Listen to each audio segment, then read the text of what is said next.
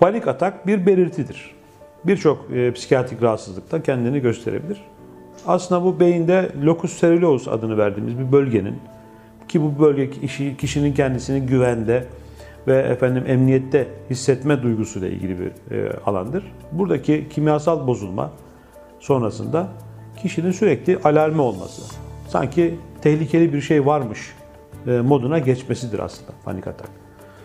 İşte bu bozukluğun olduğu, bozulmanın, bu kimyasal bozulmanın olduğu birçok rahatsızlıkta biz panik atağı görebiliriz.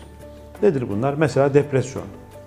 Depresyonda sıkıntıyla giden özellikle kaygıyla giden bir depresyon çeşidi vardır ki burada panik atakları sıkça görebiliriz. Sosyal fobi, kişinin işte kendini sürekli e, yanlış yapacağım, rezil olacağım e, korkusundan dolayı topluluk içerisinde e, olduğu zaman yaşadığı korkuyla panik atak sıkça karşımıza çıkabiliyor. Takıntı hastalığında, yine efendim e, alkol ve madde bağımında ki bazı maddeler özellikle ekstazi gibi uyarıcı maddeler panik atağa sebep olabiliyor.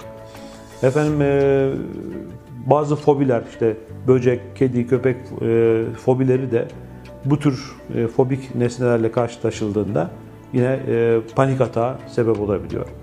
E, bunun gibi birçok rahatsızlıkta, efendim mesela şizofreni hastalığında da panik atakla seyreden tablolar olabiliyor. Kişi işte efendim paranoid şizofreni hastalarında özellikle e, sesler duyduğunda bu seslerden e, aşırı korku e, içerisinde dehşete kapılıp panik atak e, yaşayabiliyor.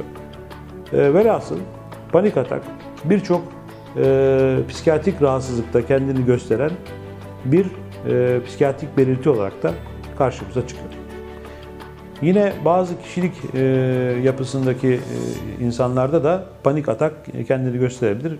Nedir bu kişilikler? Mesela aşırı titiz, tez canlı, evhamlı, mükemmeliyetçi kişiliklerde de panik atak e, stres yaşadıkları, baskı yaşadıkları anda karşı, e, karşılarına çıkabilmektedir.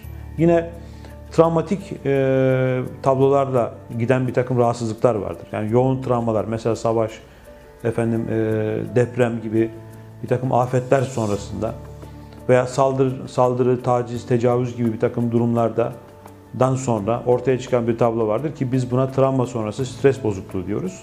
Burada da çok yoğun bir şekilde panik atak e, tablosunu e, görebiliyoruz. E, hipokondriazis dediğimiz yani hastalık, hastalığı, hastalıktan korkma durumu da e, sıklıkla yani bir hastalıktan bahsedildiğinde veya hastalıkla ilgili bir belirti yaşadığını hissettiğinde kişi e, bunu sıklıkla panik atak e, yaşayabilmektedir. E, Birçok e, durumda yine e, tekrar etmekte fayda var. Biz panik atağı her türlü psikiyatrik rahatsızlıkta görebiliriz.